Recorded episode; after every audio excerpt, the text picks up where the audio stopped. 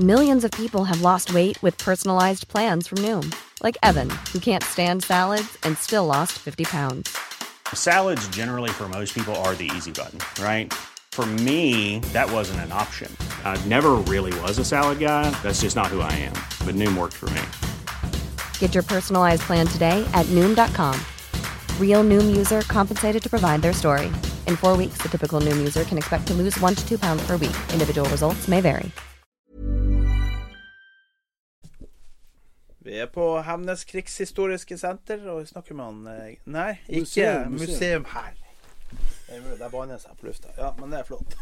Jeg skal ikke aldri klare å lære meg det der. Ja, Vi driver ikke med sprenging og nei, ja, ja. så det er ikke senter, men Museum. museum. museum.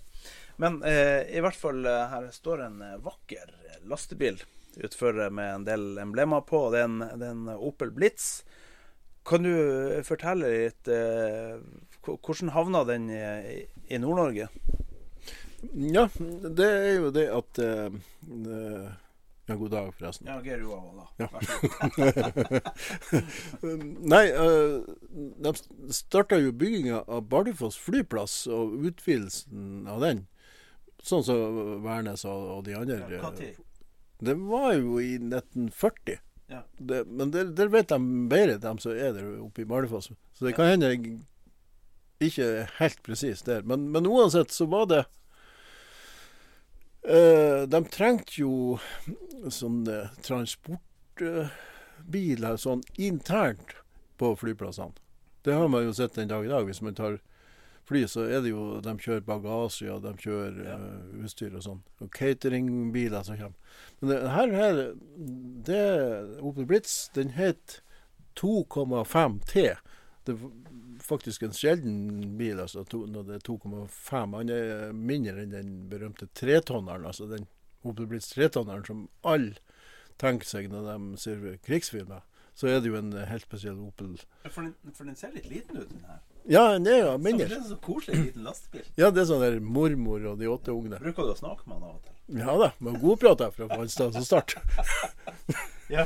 Men, men eh, han kom oppover eh, til Bardufoss Ja. og var mm, i bruk til å kjøre utstyrt ut av flyene. Det var Ok, jo, det- Og den vogna som er på, er, det tilhører den? Nei da, det er jo jeg som har komponert. Det er den der HF7, altså den Heres feltvagen nummer 7.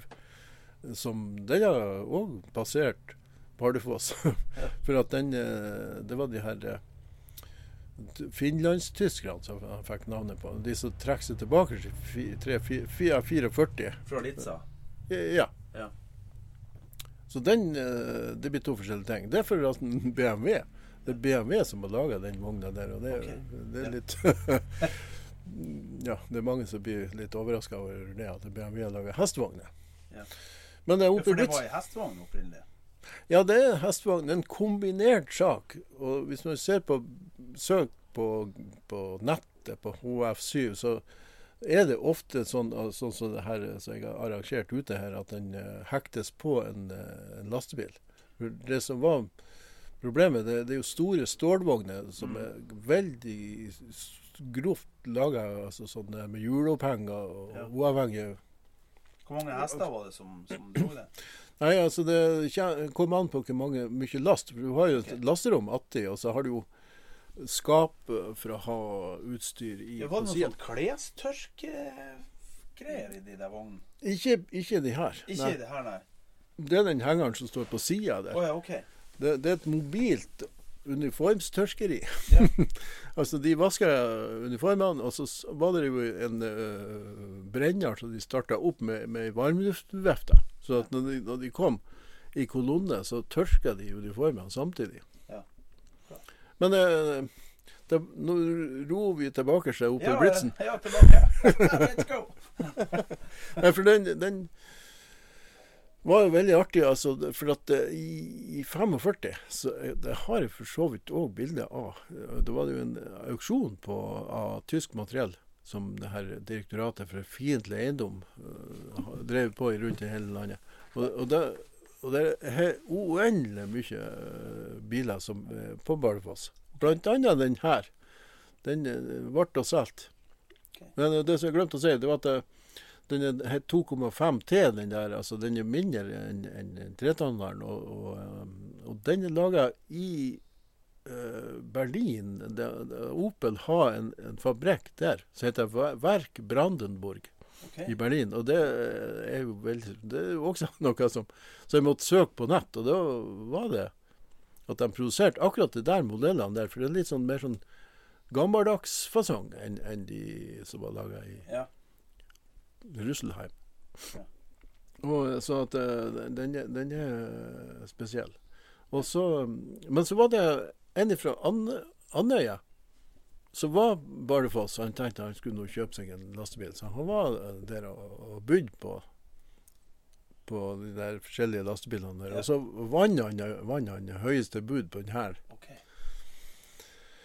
Og jeg forstår sånn at, eh, at han Etter hvert som årene gikk, så fikk jo lastebilsjåførene De kjøpte jo større lastebiler på Andøya og sånt, som Ja. andre plasser. De kjørte torv.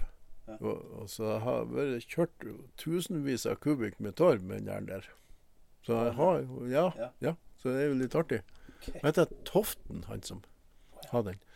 Um, og det, det som var uh, artig, det var at at det, det for Scania og Volvo, altså sånn um, litt store lastebiler som var, kanskje var på 60-tallet, og, og, og kanskje opp i 70-tallet, jeg skal ikke si det. Men lastebilene ble noe større og større. Og, men han, han, han for med den der Opel Blitzen der. Og, Ja. og eh, innimellom. Og, så han, han bruker han jo veldig mye, der. Altså, sånn.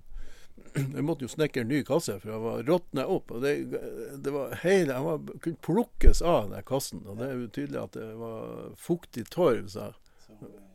Eh, Og så og Det er jo en, absolutt en nordlending, det der. For at han eh, Sønnesønnen som bor på Fauske Mm. og, og, og sønnen bor, var politiadvokat i Bodø. Altså så sønnen er- bor da i Fauske nå. Og han var henta der, der opp, spor bestefaren om han Ja. kunne få For han hadde lyst til å, Han sto i garasje, sa det var ikke så verst, men han skulle, hadde lyst til å restaurere den. da. Og da sa faren Nei, bestefaren sa han. Jeg har en presenning å ha han over?